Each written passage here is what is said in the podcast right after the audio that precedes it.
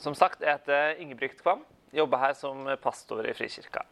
Jeg eh, jobber mest med ungdom og dere, unge voksne. Eh, og um, ja, jeg er utdanna teolog fra MF. Eh, og i dag så var planen egentlig å ha en litt annen, annen tale. Men eh, så ble det ikke sånn. Sånn er livet noen gang. Eh, så jeg skal ta en eh, Det blir med sterk inspirasjon fra en tale jeg har hatt tidligere til en gruppe unge voksne i KRIK. Um, og så, både til dere som er her, og til dem som eventuelt hører på podkast, så anbefaler jeg å kanskje å høre òg eh, de undervisningene jeg har hatt tidligere i Frikirka eh, i, i, vår, som handler om åndelig vekst og modning og kristne praksiser. Mm, jeg tar og ber ei bønn. Jesus, må du komme i rommet her med din kjærlighet. Må du eh, hjelpe oss til å ikke fordømme oss sjøl om oss blir utfordra i dag.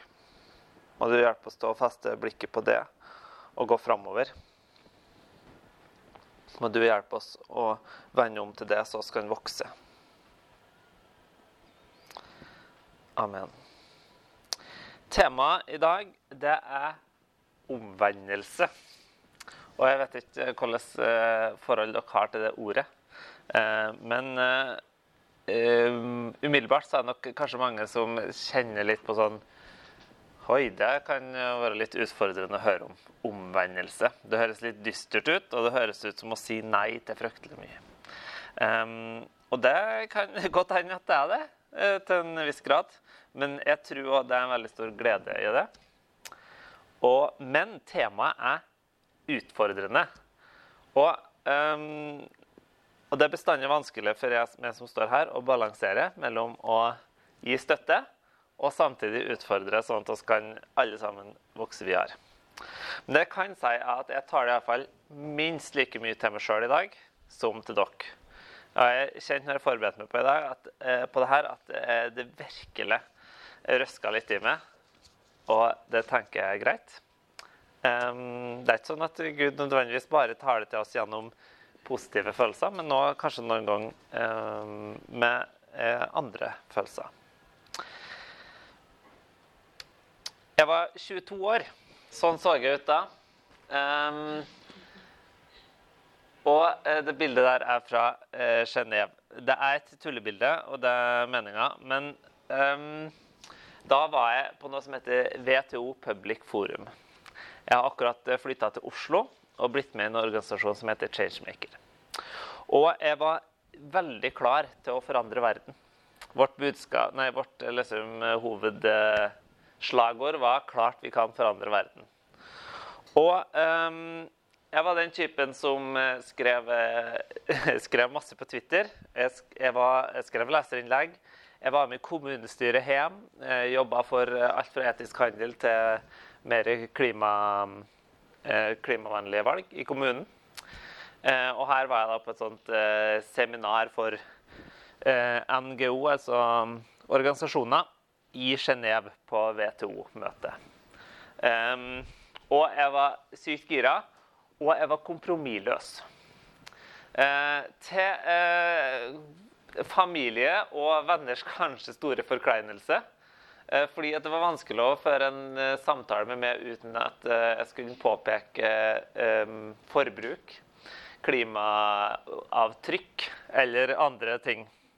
Og den dag i dag så drikker jeg ikke kaffe på Starbucks av sånne type årsaker. Men da var jeg ganske ekstrem. Og jeg husker et sånn familieselskap der min nye svoger kom inn i eh, familien. Og eh, vurderte å forlate hele eh, opplegget. Fordi at eh, jeg og min søster klarte å lage fryktelig dårlig stemning når oss mente at eh, min tante og onkel burde ha slutt å kjøre dattera si på på turen. fordi at det er jo ganske klimafiendtlig å kjøre 10 km eh, tre ganger i uka på turen. Um, og jeg husker òg en gang at eh, jeg fikk eh, min kjære mor til å gråte sine bitre tårer fordi at jeg, jeg var så streng med henne for å ha hatt sin tredje sydentur det året. Um, og hun gikk gråtende ut, og jeg var ikke i det minste uh, flau over at jeg har vært så hard med henne. Uh, jeg håper at jeg har litt radikalitet igjen, men så håper jeg òg at jeg er blitt litt klokere. men jeg tror min historie er litt lik for mange av oss som begynner å bikke 25. Um, det begynner å bli veldig komfortabelt å ta fly. Det begynner å bli veldig komfortabelt å eh, ikke tenke så mye på hvilke varer en kjøper. Det begynner å bli veldig komfortabelt å eh, bare være i en menighet og ikke ta ansvar. Det begynner å bli veldig komfortabelt å eh, kun ha kristne venner og oss blir mer og mer komfortdyr. Og jeg ser sjøl at på den tida så har jeg nesten ingen kristne venner i Oslo. Utafor Churchmaker-miljøet. Der var det noen, men de var kristne på en helt annen måte enn meg. Um, og nå har jeg jo ikke spesielt mange venner som ikke er kristne lenger. Hva gjør det med meg? Og hva gjør det med verden? Og jeg vet ikke hvor du er i kveld. Kanskje er du et sted der du har gitt Gud en siste sjanse, eh, og du bare orker ikke mer av hele pakka. Det er helt greit. Kanskje er du der at uh, nytt år, nye muligheter. Nå skal, jeg gå, nå skal jeg gå all in for Jesus og hele pakka. Eh, det er fint. Uansett hvor du er på, på skalaen, så eh, håper jeg at eh, du fortsatt føler deg velkommen, elska av Gud, eh, etter i kveld. Men jeg skal røske litt, eh, og det er lov å være uenig med meg i mine meninger. altså. Og skal snakke om omvendelse. I Markus 1, 14-15 så står det Etter at Johannes var blitt fengslet, kom Jesus til Galilea og forkynte Guds evangelium og sa:" Tiden er inne. Guds rike er kommet nær. Vend om og tro på evangeliet. Dette er ikke første gangen i Bibelen at den snakker om det å vende om. Det er faktisk en gjennomgående tråd i hele Gammeltestamentet. Spesielt eh, dukker den, eh, den, typen retorikk opp, venn om, um, i mellom dommertida og um, og liksom Gammeltestamentet slutter. Eh, altså i kongetida. Når israelsfolket i stor grad var på en måte definert som et folk, som en nasjon. Og Svært ofte så handler denne typen omvendelse da om å kvitte seg med avgudene. Slutt å dyrke Bal og Molok og alle de her gudene fra andre religioner. Slutt å ofre barn, sånn som de gjorde i andre religioner. Eller, eller begynn å ta vare på eh, enker, farløse og innflyttere. Men Gammeltestamentets jøder var veldig forskjellige fra Nytestamentets jøder. På 200-tallet før eh, Kristus så kom noe som heter Makaber-opprøret, for noen som kanskje har hørt det. Som førte en veldig sånn, sterk vekkelse egentlig, blant jødene.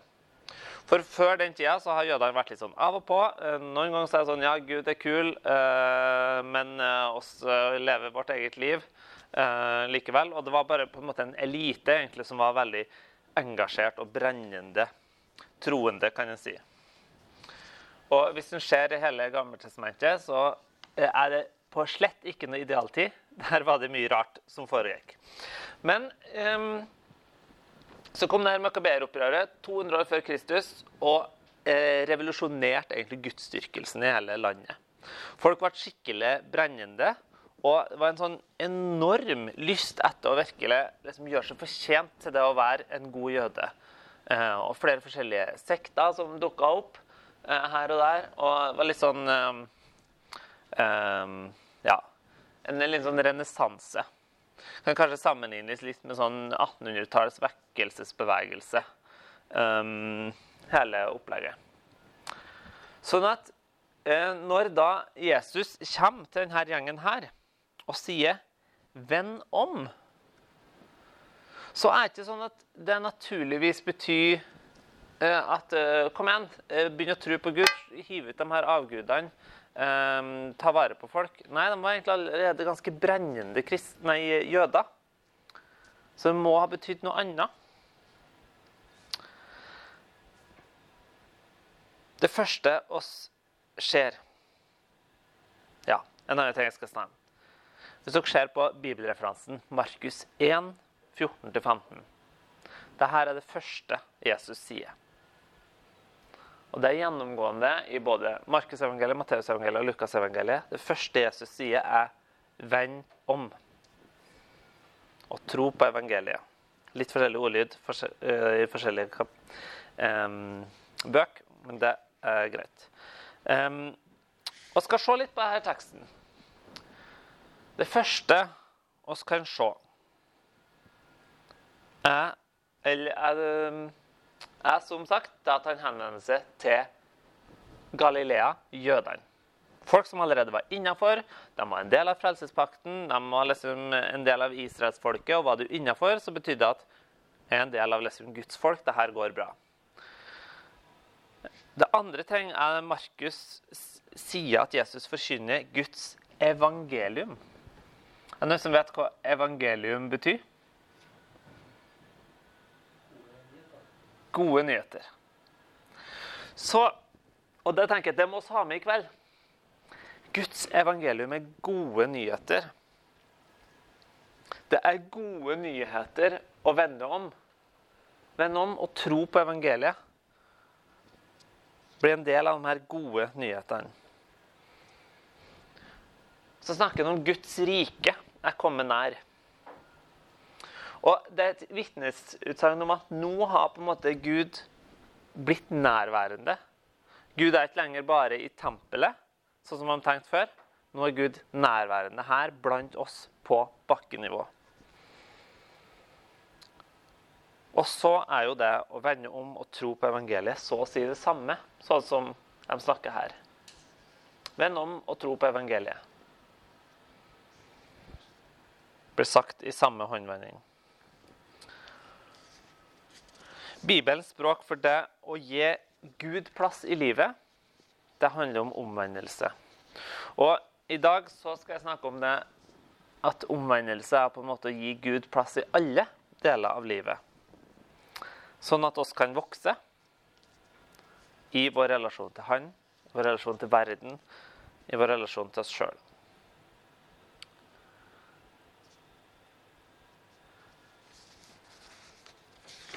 Det er dumt at du ikke skriver ned sånn uh, greske navn, for det er han her. Er det noen som vet hvor den statuen her er? Det er, navn, det er en sånn Peppadeus eller noe sånt. Det er mannen som løpt fra maraton til Aten. 42 km og 200 meter. Eh, 180 meter, kanskje. Um, og eh, fordi at jeg skal snakke litt om tro nå. Og jeg, liker å snakke om tro som TRO. Tillit, retning og overbevisning. Og det skal jeg symbolisere med eh, han her maratonløperen. Um, tillit. Fordi at i, eh, hvis du skal være i stand til å tro på noen, så må du ha tillit. Hvis eh, Magnus sier til meg at han har hoppa i fallskjerm, så kan jeg velge å tro på det, eller jeg kan velge å ikke tro på det. Spørsmålet kommer ned til har jeg tillit til Magnus, og det har sitt vitnesbyrd. Er vår relasjon der at jeg kan stole på at det han sier, er sant? Og hvis jeg ikke viser han den tilliten, så er det åpenbart en barriere i relasjonen mellom meg og Magnus. Hvis jeg sier nei, du har ikke hoppa i fallskjerm, det tror jeg ikke på. Så tro det handler om å ha tillit. En kan jo eh, sammenligne med hvis en eh, drar på klatring og en klatrer høyt opp. Så kan en ha tillit til den som sikrer, eller en kan klamre seg fast. Eller en kan slippe å kjenne at ja, det bærer. Så tillit um, i, er en del av tro. En annen litt overraskende ting for mange er kanskje det med retning.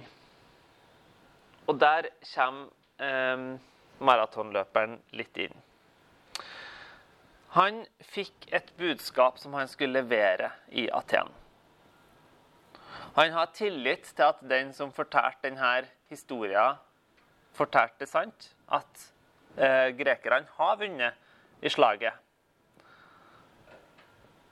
Men hvis han ikke har gått den veien til Aten, hvis han ikke har satt retning på det, så har han jo ikke vist egentlig at han har tatt imot det budskapet.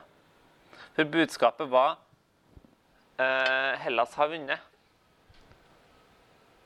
Men han kunne bare Ja, OK. Jeg setter meg her, jeg. Ingen har fått vite det. Han viser egentlig med hele seg at det her betyr egentlig ingenting. Men pga. at han tror på det, han har tillit til den som har sagt det, så setter han en kurs mot Aten. Så det siste eh, O, som kanskje er veldig lett for oss i Vesten, og det er at tro òg er overbevisning. Det er å holde noe for sant og noe for ikke sant. Og så overbevist om at noe er sant. Skal snakke mer om omvendelse. Og min definisjon er å la Jesus få prege alle deler av livet. Så nå skal jeg ha et spørsmål som dere skal få diskutere to og to. Um, og det kommer her. Hva tenker du på når du hører ordet omvendelse? Dere får 1 minutt og 12 sekunder.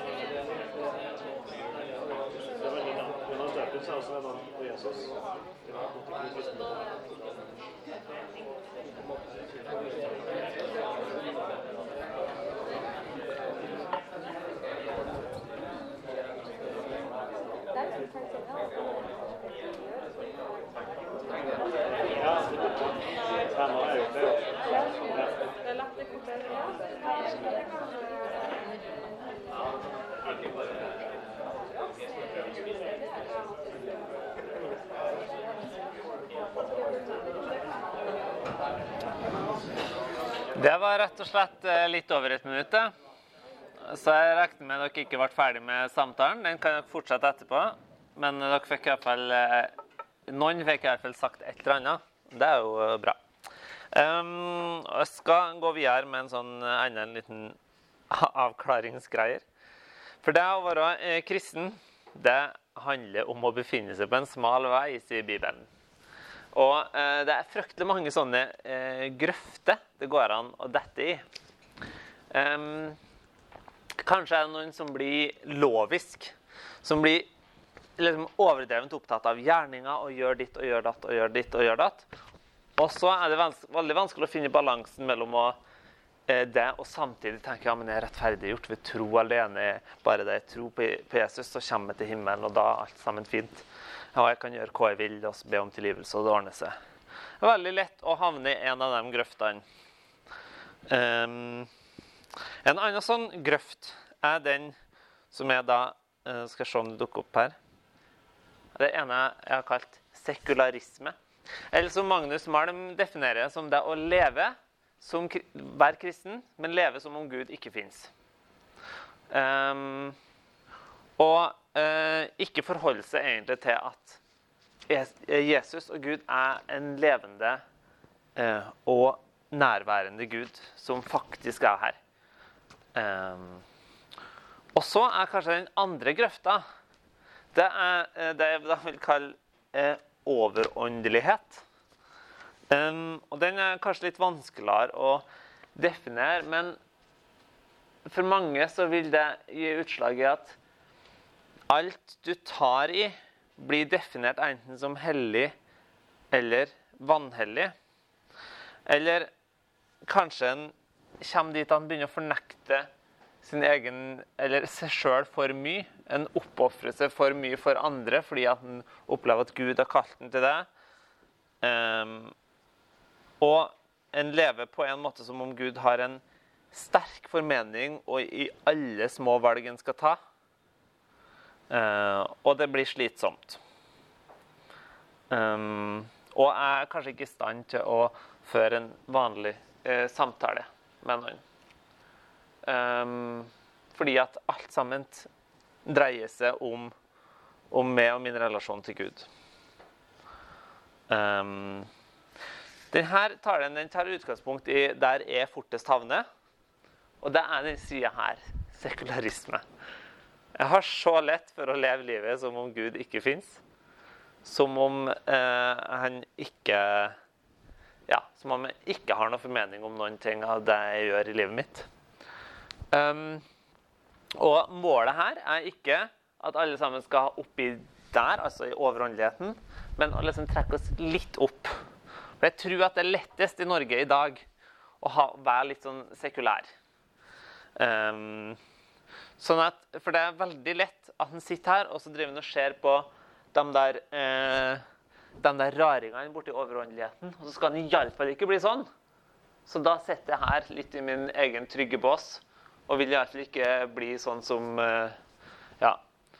Eh, noen ville ha sagt sånn som dem på bønnesenteret på Levanger. Eller noen ville ha sagt sånn som de der eh, gærningene i korsvei som, som, ikke tar fly noen plass. Um, men så vil kanskje noen av dem her eh, heller heve seg. Det er litt sånn eh, eh statisk elektrisitet. Så da klikker PC-en. Um, ehm, ja. Som da kanskje gjerne vil heve seg over de der eh, de der eh, eh, hedningene bortpå der. Eh, og omfavne sin naivitet over eh, i troa. Men altså Jeg tar utgangspunkt i at det er her, i sekularisme, og jeg vil litt opp i en sånn middelvei. Der jeg fortsatt um, Der jeg fortsatt er til stede i verden, og Gud er med. Hans Nilsen Hauge han gikk på et jorde på sånn slutten av 1700-tallet i Fredrikstad. Og så sang hun en sang. Er noen som vet hvilken sang det var? Nei? En sang som heter 'Jesus, din søte forening og smake'. Som er en pietistisk Hver gang jeg tar på PC-en, så får jeg litt støt, og så skjer det der. ja. Jeg skal se om, eh, om det ordner seg. Hvis det er noen, eh, noen som er veldig god på elektrisitet her. Hæ? Eh, nei. Um, ja. da prøver meg tilbake, og så kun trykk på plast, ikke metall. Um, ja. Han sang en sang som heter 'Jesus din søte forening og smak'. Som handler om en pietistisk salme som handler om det å Eh, få et nært og inderlig forhold til Jesus, der han får lov til å være en del av alt. Og et av de versene i den salmen er Og den som kunne det ene, kunne lære. Dø fra sitt eget og ofre seg helt. Det sang Hans Nilsen Hauge når han fikk kallet fra Gud om å starte den største vekkelsesbevegelsen i Norge noen gang har sett der han eh, vandra rundt i hele, hele, landet mens han strikka. Der han starta eh, der eh, gudstro, nøysomhet og forretningsvirksomhet gikk hånd i hånd og berga Norge fra fattigdom og fra åndelig nød. Fra en eh, prestestand som var ute av stand til å kommunisere med dagens folk, og som kun var opptatt av sine egne filosofiske tanker. En annen en som starta en vekkelsesbevegelse, var døperen Johannes. Og han òg snakker om omvendelse. Og nå er vi i Matteusevangeliet, og han snakker med sine disipler. Der sier han noe som er litt radikalt. Um, nå la jeg en Bibelen min ned. Men um, kort fortalt så sier han Ja. Bær da frukt som svarer til omvendelsen. Og tro ikke at dere kan si til dere selv, vi har Abraham til far. For jeg sier dere, Gud kan reise opp barn for Abraham av disse steinene. Mange tenker på første århundres jøder som en sånn gjeng eh, folk som prøvde å hele tida gjøre seg fortjent til å komme til himmelen. Og Da måtte de gjøre ditt, de måtte gjøre datt, de måtte gjøre ditt, de måtte gjøre datt. Eh, og Det er ikke nødvendigvis helt en riktig beskrivelse av den tidens jøder. Hvert fall er ikke moderne forskning vist det. Fordi at de gjorde i større grad det nyanser her, de her gjerningene fordi de var jøder. De var allerede en del av denne frelsespakten. De var Abrahams barn, de var trygge, de var ikke sånn som de er hedningene utafor.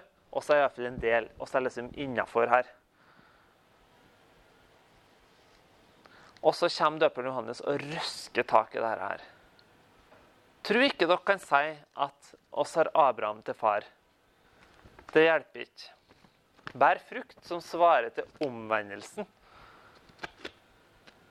Og tro ikke at dere kan si til dere selv vi har Abraham til far. Johannes og Jesus begynner å definere en ny form for tro. En tro der du følger etter Jesus. Der du ikke bare liksom sitter og er trygg i min egen lille eh, innafor-boble og ser på alle utafor, og stakkars dem, og dem eh, er ubrukelige og alt mulig sånn. Nei.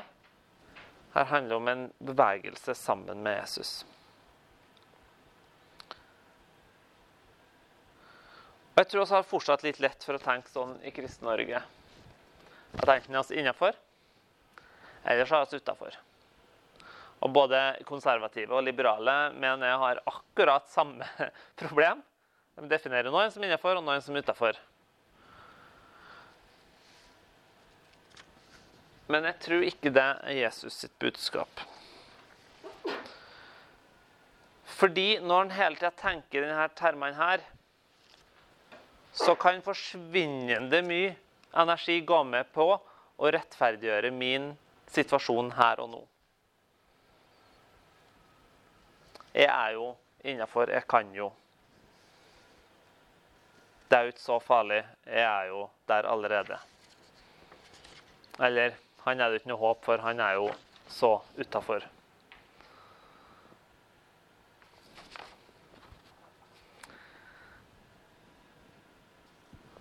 Det er en av de barrierene vi har. Det står i Matteus 3, 8-9. Ja. Hvor mange her har fått spørsmålet Du er vel ikke sånn superkristen? Ja, det var noen her, ja. ja, ja. Og det spørsmålet fikk jeg da jeg var 14 og gikk med min Jesus Freak-T-skjorte eh, på skolen. Og min naturlige respons er Nei. Så klart er jeg ikke superkristen. Det er ikke noe som heter superkristen. Jeg svarte liksom alder uh, Ja, jeg er faktisk superkristen. Og uh, jeg har de her festivalbåndene og de her What Would Jesus Do-båndene langt oppover armene, sånn at jeg til slutt håper at denne armen detter av og slutter å føre meg til fall. det var ikke sånn jeg svarte. Jeg svarte det er ikke noe som heter superkristen. Enten er du kristen, eller så er du ikke det. Og Ingebrigt, 14 år, har jo på en måte rett. For det er ikke noe som heter mer eller mindre frelst. Det er ikke sånn at du har kommet lenger inn i himmelen hvis du har gjort det og det og det og det. Eller at du er noen gang lenger bort fra Gud. Men jeg skal sitere en venn av meg. Sigurd heter han. Han har sagt begrepet kristen er et tullebegrep. For det kan bety hva som helst. Og nå skal jeg provosere litt. Det er kanskje ikke noe som heter mer eller mindre kristen. Det er noe som heter mer eller mindre frelst. Det er noe som heter at Gud er mindre eller mer glad i det enn den andre. Men det fins noe som heter at du er mer eller mindre overgitt til Gud. Det er noen som over tid bærer mer frukt enn andre. Det er noen som lar Jesus få prege flere deler av livet sitt enn andre. Det er noen som har i enda større grad fått tatt imot identiteten som Guds barn, og ikke som et eh, mislykka Instagram-profil.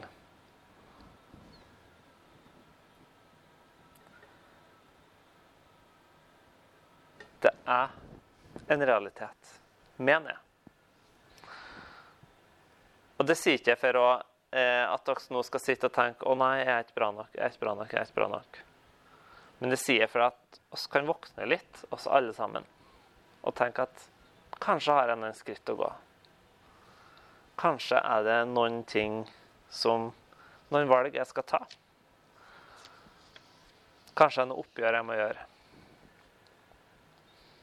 Kanskje er det noe jeg må si fra meg som bare ødelegger meg eller folk rundt meg.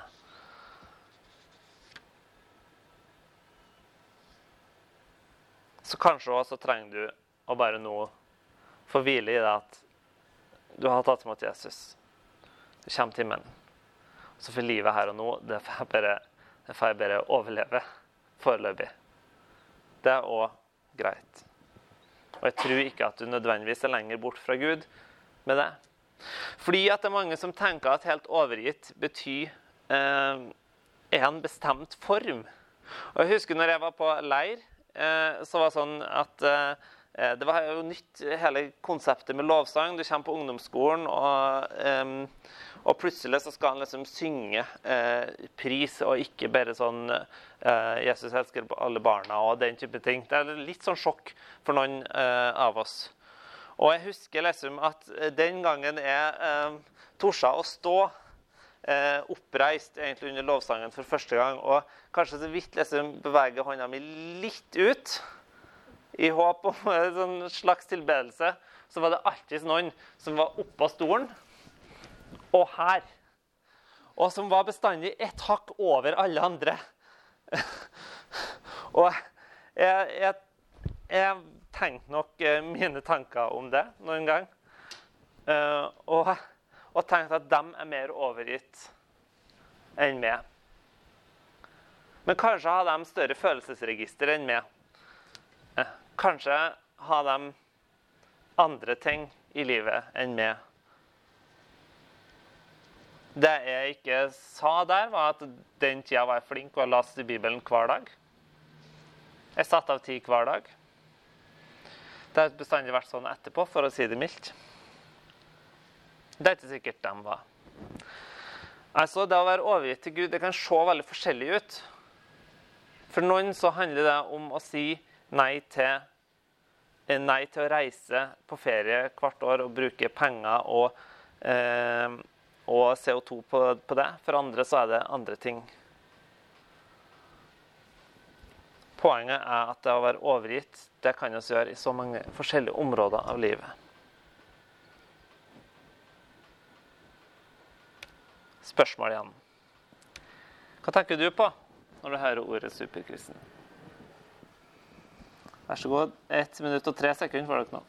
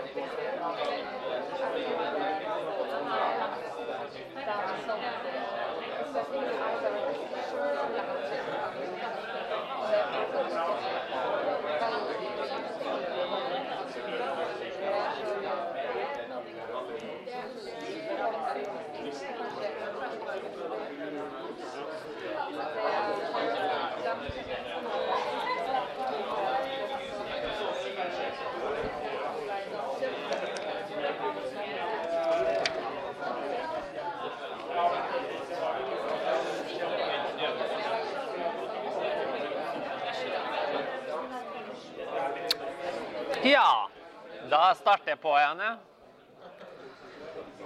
Um, så uh, ja. Jeg skal ta en siste sånn uh, ting utafra som hindrer oss, tror jeg, i å tenke at uh, livet med Gud det har faktisk en utvikling. Og det er, går igjen på det med innenfor og utafor. En sosialantropolog som heter Paul Hebert. Jeg vet ikke om noen har hørt om han?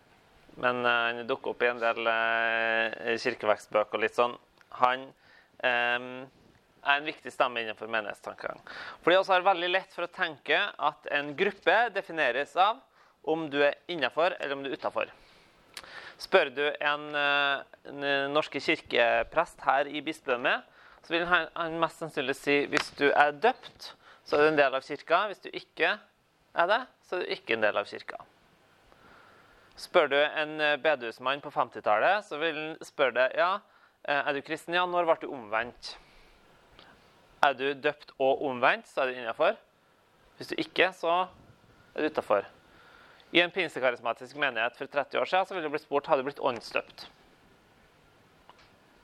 Da er du innafor. Da, da, er du um, Ja. Og hvis ikke, så er du utafor. Altså, denne typen eh, bounded sets, da, som det kalles, handler om at du definerer hele en gruppe ut ifra en del sånne kriterier. En sånn ramme rundt. Og han, Paul Hibert han sier det her er en forferdelig dårlig måte å tenke gruppe på. For det er utrolig statisk og veldig lite dynamisk. Og han mener at den mer bibelske måten å snakke om gruppetilhørighet er sånn. Det er iallfall veldig gammeltestamentlig med tanke på tempel. For dere som er glad i tempelteologi. Han mener at en mer bedre måte å definere en gruppe på er ut ifra et felles sentrum. Og sentrum i den kristne troa er jo Jesus. Og spørsmålet om oss er en del om oss er på en måte innafor eller utafor, eller om oss er en del av gruppen, da, handler, ikke om oss er eh, innenfor eller utenfor en eller annen slags sånn ramme rundt, men om oss beveger oss mot et sentrum eller ikke. Og da er det i grad, da er det i mindre grad avstand fra sentrum som definerer oss, men spørsmålet er retninga. Som betyr at kanskje er han der presten som egentlig er på en måte midt inni menigheten. Kanskje han egentlig litt utafor.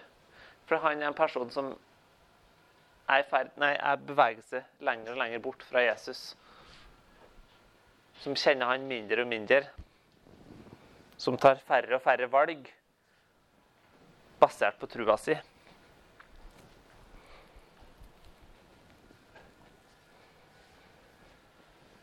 Og denne ting er det her med at Tenker en sånn, så skjønner en òg at det er Jesu nærvær først og fremst som er, vår, som er det som definerer.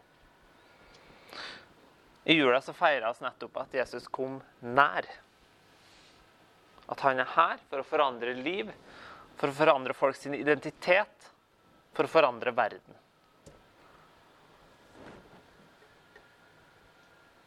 Så spørsmålet er ikke klarer oss å komme oss innafor. Men spørsmålet er vender oss oss mot Kristus. Og for det som kjenner på veldig mye tvil for tida, så tenker jeg bare å si det å tvile er ikke nødvendigvis en vei bort fra Jesus. Det å tvile kan nettopp være veien mot Jesus, fordi du har muligheten til å få rydda opp i en sånn misforståelse rydde opp noen misforståelser om hvem Gud er, som andre har gitt det.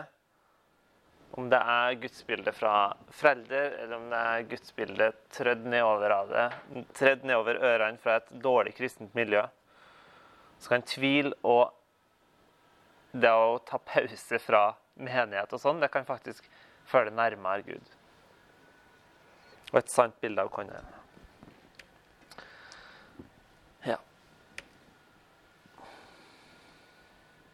Og så er det tre ting som jeg tror hindrer oss fra å ta det første skrittet på det personlige. Først handler det om tillit. Jeg er ikke bra nok. Jeg tror det er mange som tenker jeg er ikke bra nok til å nærme meg Gud. Jeg har for mye synd i livet mitt. Jeg har tatt valg som jeg aldri kan snakke høyt om.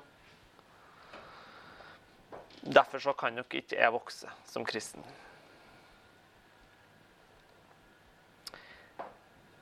Da syns jeg du skal se på hvordan Jesus var nær. Da skal du få se hvem som virkelig har vekst.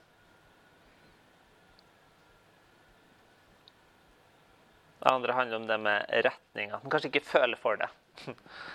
Og det er det vel ikke så mange som gjør heller bestandig. Føler for å slippe Gud til i internettloggen sin, eller i TV-vanene sine, eller i forbruksvanene sine. Bibelen snakker fryktelig lite om følelser, egentlig. Den stiller mer spørsmål om viljen.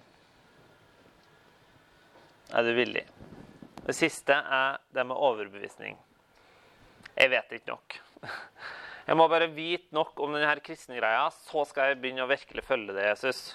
Når jeg liksom har, eh, når jeg liksom har fullstendig oversikt over alle de her argumentene for og mot kristen tro, og har liksom landa i det og er trygg på det, Jesus, da skal jeg trå til.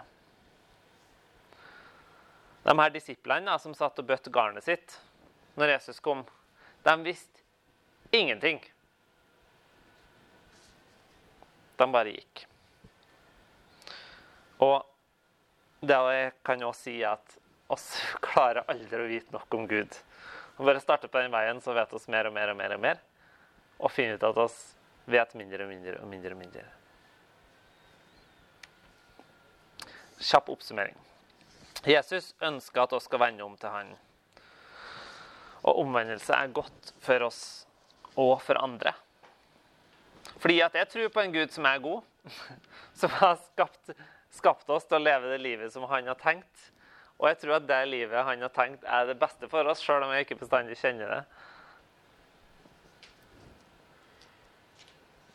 Og så må du ikke være så redd for den andre grøfta. Det er sikkert langt igjen for mange av oss. Så håper jeg noen er midt på og kan lære oss andre litt.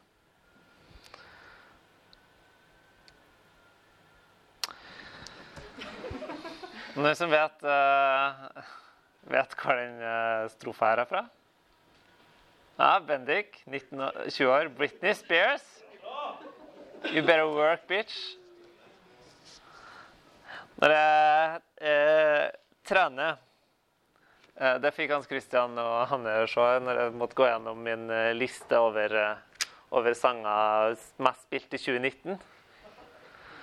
Så det er pinlig mange som havner under explicit-kategorien. det, det, det, er liksom pinlig å innrømme. Men, eh, og grunnen til det er at jeg har ei fast treningsspilleliste. Eh, og der eh, kanskje får jeg litt sånn utløp da, for tanker jeg ikke tenker ellers, eller andre ting. Og denne British Bear-sangen, den er jo med der. Eh, og nå er heldigvis mange her som sitter litt som spørsmålstegn. Det er helt topp. Eh, for da har ikke dere hørt den sangen som eh, går noe sånn You want a hot body? You better work, bitch. You wanna party with friends? You better work, bitch. og hele sangen handler egentlig om vil du ha de her ytre, materielle, deilige tingene som oss alle craver etter, så må du jobbe for det. Um, og ja. Uh, så var det For en tid tilbake så skulle jeg trene, trene med en kompis, Eirik Austeng, han som kommer på eh, Jeg har fått lov til å si det her. Han som kommer på, um, på helga vår. Og så skulle jeg trene på MF i Oslo. Så sa han Du, jeg har funnet fram Jeg har lagd meg egen spilleliste med sånn kristen treningsmusikk. Fordi jeg har funnet ut at det gjør, det gjør noe med meg da, hvordan musikk jeg hører på. Og så er min umiddelbare tanke dust. Tror du virkelig at, um, at musikken du hører på En sånn type bare overflatisk treningsmusikk som bare har litt sånn god beat, tror du det virkelig påvirker så mye tankegodset ditt? Tror du virkelig bry, Gud bryr seg om det? Og så er heldigvis Eirik, dere som møter nok kommer til å skjønne at det er overgitt og bra fyr. Så, og et forbilde for meg. Så jeg trakk heldigvis litt tilbake og begynte å tenke over. Det hjelper ofte å ha forbilder som kan utfordre oss. Og så måtte jeg snu det litt. Hvis jeg fyller tre, fire, fem, seks jeg vet ikke, eh, timer i uka med den type musikk. Skulle ikke Gud ikke bry seg om det? Skulle Gud ha noen tanker om hvordan jeg bruker skjermtida mi, som kanskje nærmer seg sånn sju timer om dagen? Jeg vet ikke. Med jobben min så blir det fort det. I tillegg til eh, altfor mange episoder av New Girl på kvelden. Skulle Gud ikke bry seg om det? Jeg tror faktisk Gud er interessert i ganske store deler av livet vårt. Det betyr ikke at jeg tror at å skal liksom skygge banen for alt som er farlig, og at det er åndskrefter i alle mulige ting vi kan gjøre. Liksom bare du scroller VG, så er du fylt av onde ånder og sånn. Det tror ikke jeg. Men jeg tror det gjør noe med tankene våre. Og spesielt det vi ser rett før vi legger oss, og det vi ser rett etter oss har stått opp, det påvirker oss ekstra mye. For jeg tror Gud faktisk er interessert i alle deler av livet mitt. Han har skapt hele verden ned til så sinnssykt små detaljer at du blir helt sånn fascinert hvis du begynner å studere hvor mye Gud har tenkt på. Hvis du bare ser på hvert enkelt eh, lille blad, hvor finjustert og hvor fine streker hit og dit det er, skjønner jeg at Gud han er en detaljorientert person. Med heldigvis masse nåde og masse liv og glede. I dagens samfunn så tenker oss gjerne deler oss gjerne samfunn og alt sammen opp i forskjellige områder. Eh, før moderniteten, 1500-tallet Nå håper jeg ikke en historiker her som kan arrestere meg, men nå tar jeg en sånn kjapp, grov forenkling. Så eh, var liksom Du har ett universitet der du kunne studere teologi, som innebar både matte, fysikk, eh, teologi, historie og alt sammen i ett. Det var én ting. Um, Konfirmasjonsundervisninga i Norge den, det, var, det var den første skolen. Jeg skulle lære Bibelen, og så skulle du lære å lese og skrive for å kunne lese Bibelen. Og alt sammen hang sammen i en slags sånn også kristen, en kristen stat, og Gud er i sentrum av alt. Og, og um, alle områder var på en måte påvirka av det. Så kommer moderniteten, humanismen og eh, 1500-tallet og renessanse og hele pakka. Eh, da begynner en å se litt mer område for område og tenke liksom Juss er et eget område, og økonomi det er et eget område. og, og sånn. Og sånn tenker vi gjerne i livet vårt òg. At eh, jeg har ett område for trening, ett område for, eh, for liksom, hverdag, ett område for fest, ett område for eh, jobb, ett område for fritid og alt mulig sånn. Um, men mens 15, eh, moderniteten gjerne ønska på en måte fortsatt å holde det til en viss grad sammen, så kom postmoderniteten, og det er bare sånn voff. Nå skal ingen områder på en måte henge sammen. Eh, du kan, eh, du kan både være eh, kristen og dra på og dra, For å karikere litt. Du kan være kristen og dra på yoga, og det er greit. Fordi at det jeg gjør som treningsform, kan jo ikke ha nødvendigvis noe med det jeg eh, tru å gjøre. Og nå sier ikke jeg at dere skal slutte Det var en dårlig eksempel, for nå går alle sammen og tenker på at jeg tok opp det med yoga og kristendom og sånn. Eh, men, Men poenget er at i dag så er det så utrolig lett for å tenke at liksom hvert enkelt område får se, og så eh, og så er liksom Gud han er liksom i denne, eh, min egen stilletid da og da i uka, eller da og da på dagen, eller da Ja. Men en Gud som har skapt alt. En Gud som har skapt alt fra eh, Alt fra jobb til natur til eh, brettspill. Han må da være interessert i det meste. Og går det an å takke Gud for alt det? Går det an å ha han med i alt? Og tilbake til Britney Spears. Hvis det er sånn at i alle andre områder på livet vårt så må vi jobbe litt Må vi kanskje det i, i truslivet vårt òg, da? Må vi trene? Øve? Må vi øve på be? Må vi øve på å være stille?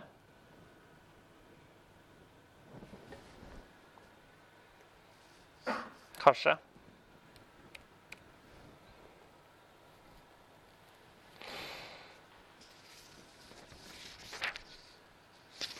Jeg ser tida har gått fram, så jeg tror jeg hopper over den her.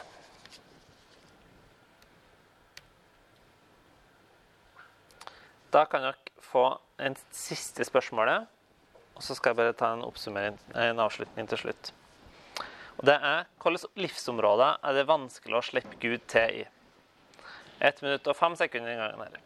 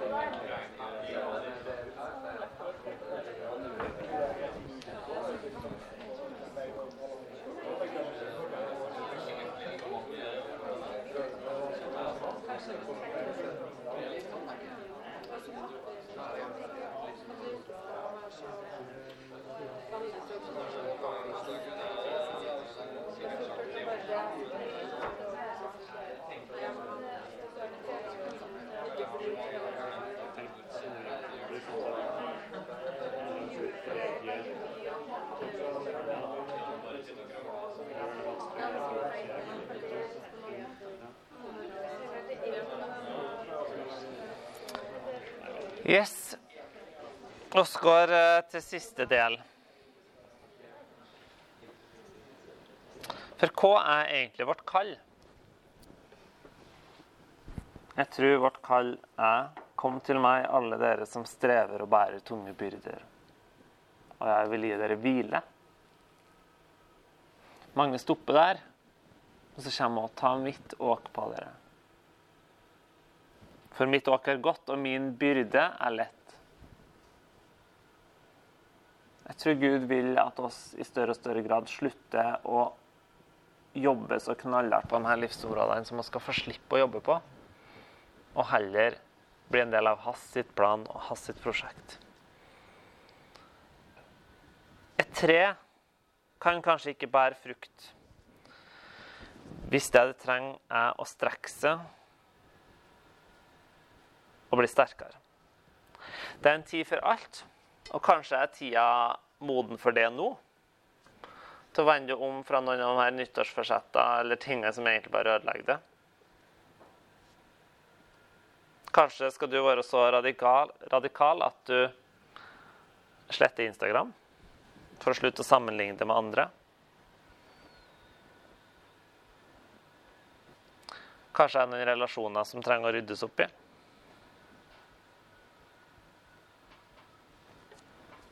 Kanskje trenger du at Gud får definere din verdi i større grad.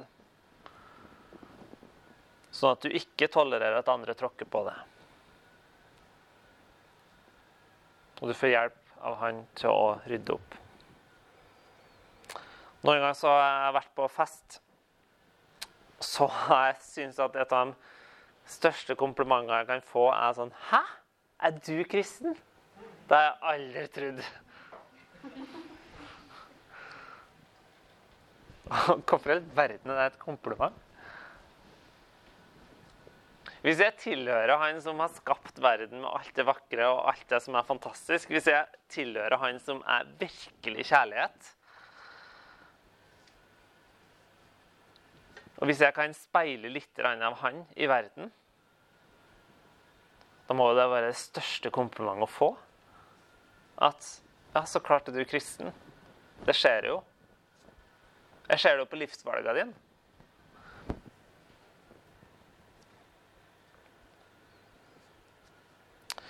Gud er god, og derfor så er det å gå under Jesu åk og ikke vårt eget eller samfunnets det beste for oss. Jeg tror iallfall på en Gud som vil det beste for oss. Og det tror jeg er avgjørende når vi snakker om omvendelse. For det er å tre inn i nådens rike. Det er å vende seg om fra det som bare ødelegger, til det som virkelig gir liv. Det betyr ikke at eh, omvendelse betyr frihet fra smerte og vonde valg. Mange erfarer nettopp at det er smertefullt å bøye seg etter Gud og ha sin vilje, og at den kan koste. Men jeg tror det er verdt det. Og jeg tror Jesus virkelig har noe for oss i alle våre livsområder. Kanskje kan en begynnelse være å begynne å takke.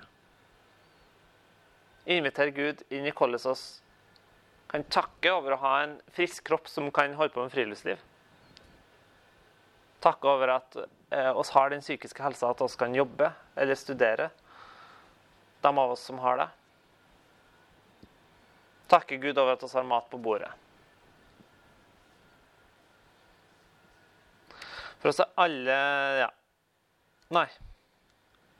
Da gjør vi sånn.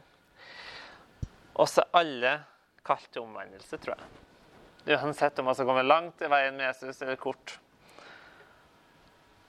Det handler ikke om å komme innafor eller utafor, men om å være med og spre himmelriket på jord.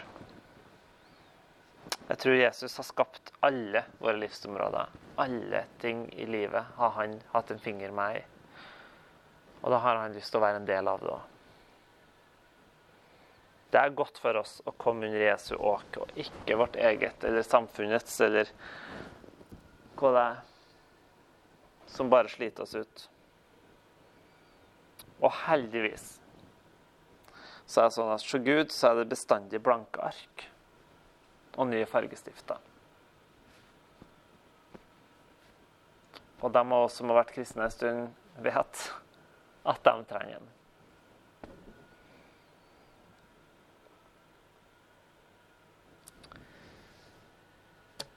dere har spørsmål, så kan dere gjerne stille dem etterpå.